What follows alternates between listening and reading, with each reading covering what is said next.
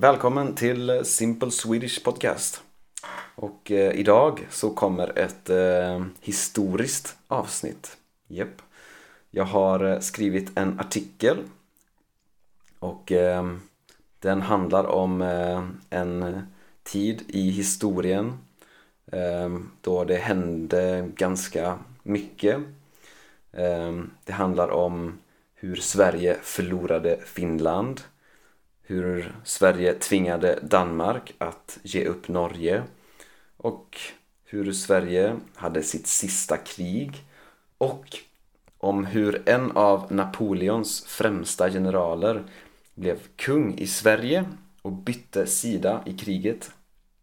Så intressanta ämnen. Eh, jag är ingen författare eller journalist eh, men jag hoppas att eh, artikeln är intressant ändå.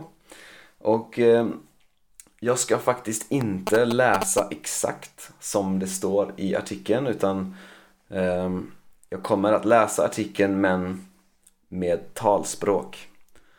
För det är så att eh, skriftspråk det är menat att eh, läsas och talspråk är menat att lyssnas på. Så, och därför är det också mycket lättare att förstå talspråk när man lyssnar.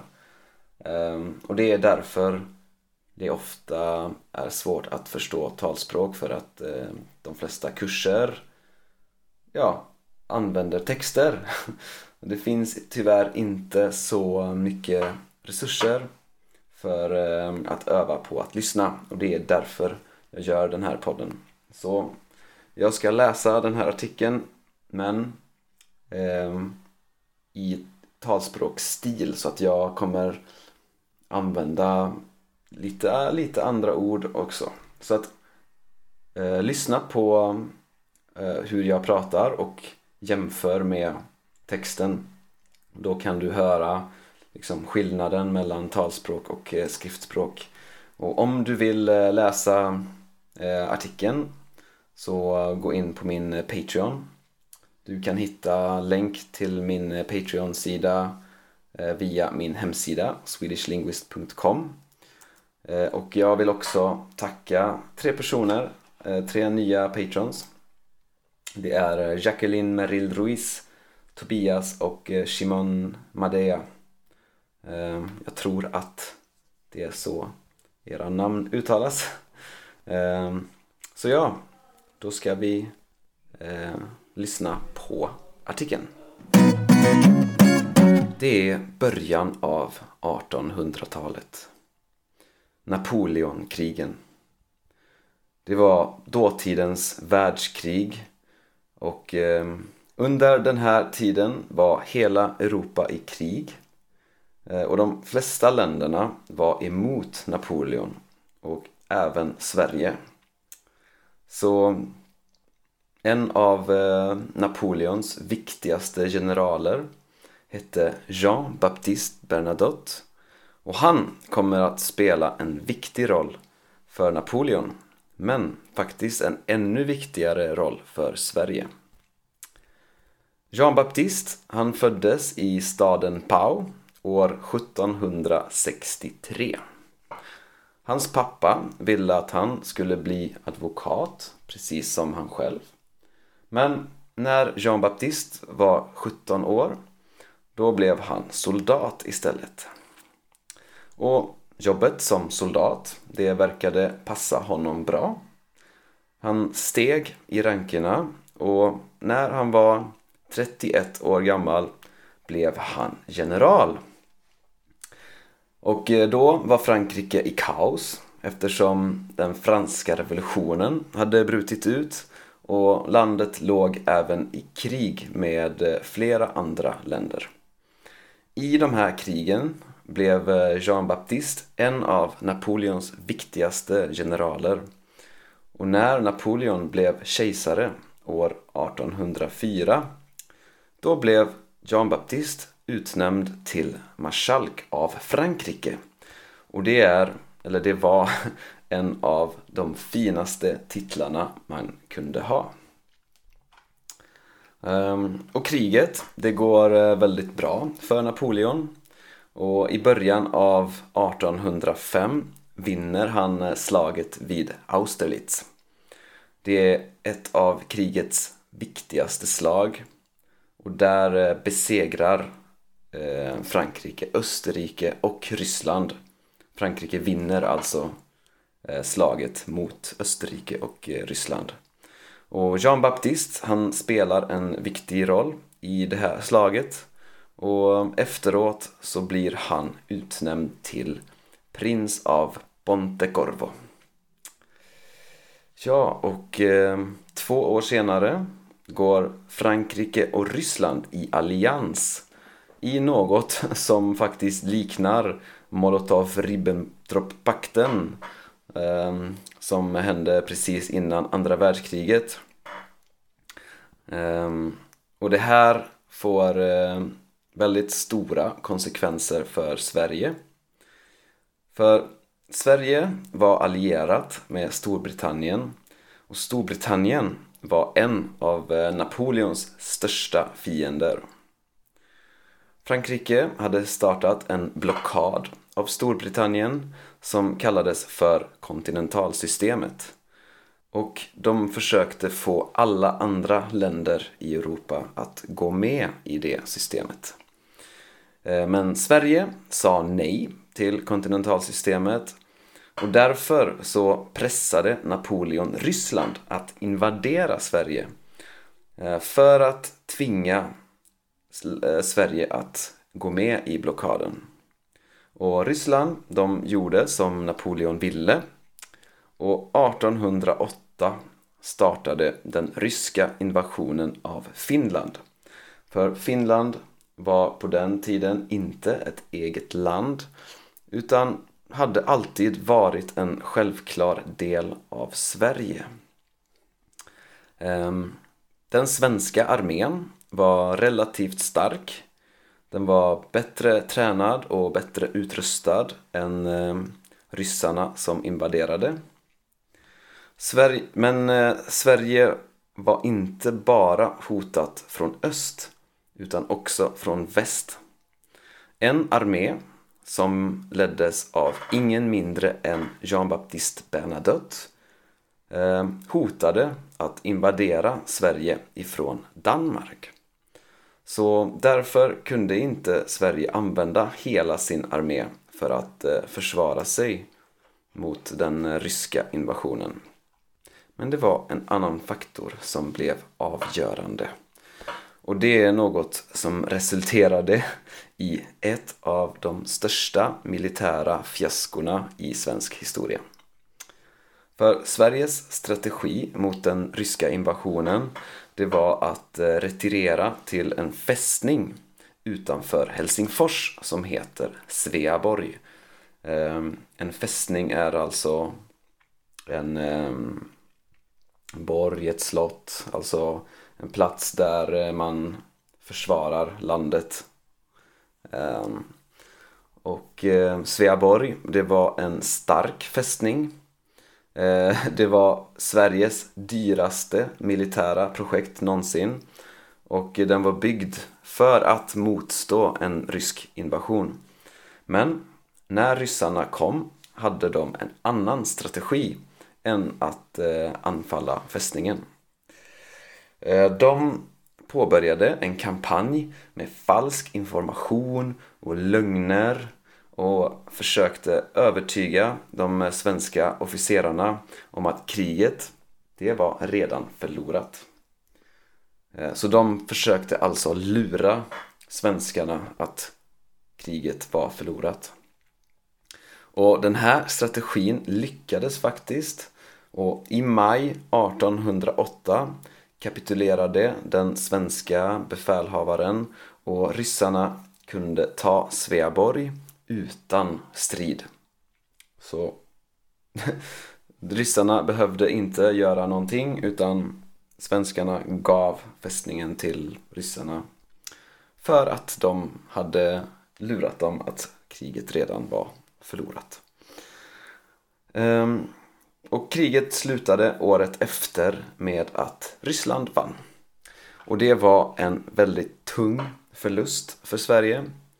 Eh, Sverige blev tvingat att acceptera blockaden mot eh, Storbritannien, alltså kontinentalsystemet. Men den största förlusten det var att Ryssland tog över hela Finland. Sverige förlorade en tredjedel av sitt territorium och en fjärdedel av befolkningen. Men det var faktiskt inte slut på eländet. Och elände, ja det är ungefär som misär. Eh, för Sveriges kung, Gustav den fjärde Adolf, han hade förlorat mycket popularitet och han arresterades i en statskupp.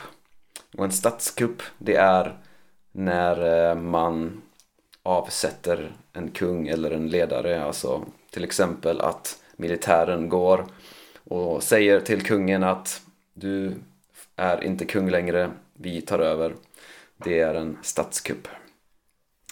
Ehm, men den nya kungen, Karl den trettonde, han hade inga barn och han var senil.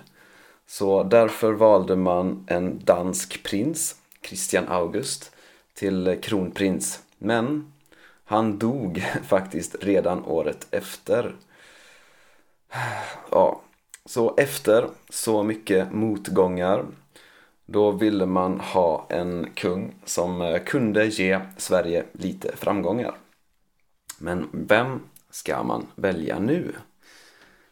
Eh, och eftersom Napoleon hade så mycket makt i Europa började man fundera på att välja någon som Napoleon skulle gilla. Eh, då kanske man kunde få hjälp att eh, ta tillbaka Finland. Eh, och resultatet det var att man erbjöd den franska generalen Jean-Baptiste Bernadotte att bli kung i Sverige. Och det var alltså en person som bara ett par år tidigare hade hotat att invadera Sverige genom Danmark. Ehm, men ja, Jean Baptiste han tackade ja. Han flyttade till Stockholm och han fick ett lite svenskare namn, Karl Johan. Han var dock inte så intresserad av att eh, ta tillbaka Finland. Han hade faktiskt istället eh, planer västerut, nämligen för Norge. Och Norge var vid den här tiden en del av Danmark. Så han började att eh, skapa en strategi för detta och eh, gick in i avtal med Ryssland och även med Storbritannien. Men att skriva avtal med Storbritannien det var inte något som Napoleon var speciellt glad över. Och eh, det gjorde att Jean Baptiste nu blev en av Napoleons fiender. Och inte bara det. 1813 så deltar han i slaget vid Leipzig och strider där direkt emot Napoleon.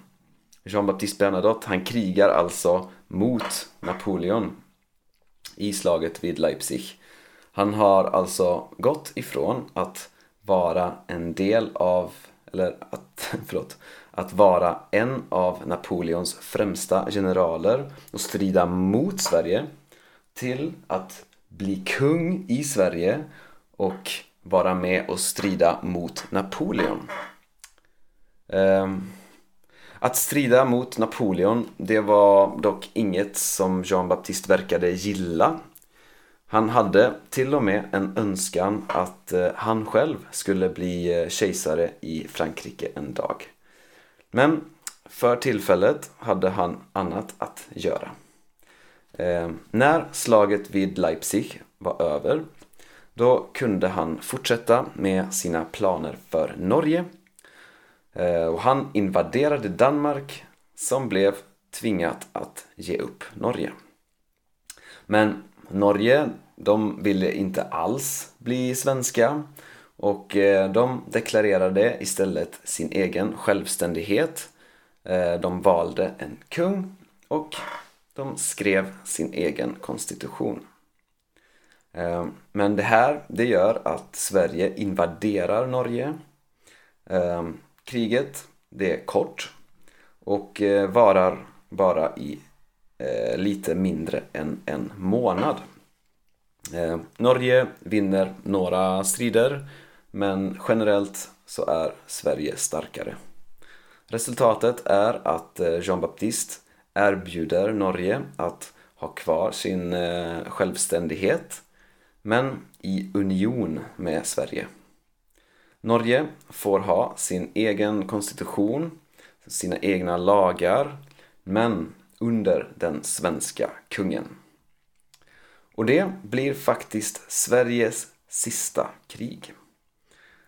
Sedan 1814 har Sverige inte varit i direkt konflikt med något annat land. Unionen med Norge den varade till år 1905 då Norge blev självständigt på riktigt. Och Jean-Baptiste Bernadotte han regerade i Sverige och Norge fram till sin död år 1844. Han är farfars farfars farfar till våran nuvarande kung, Karl den 16 Gustav.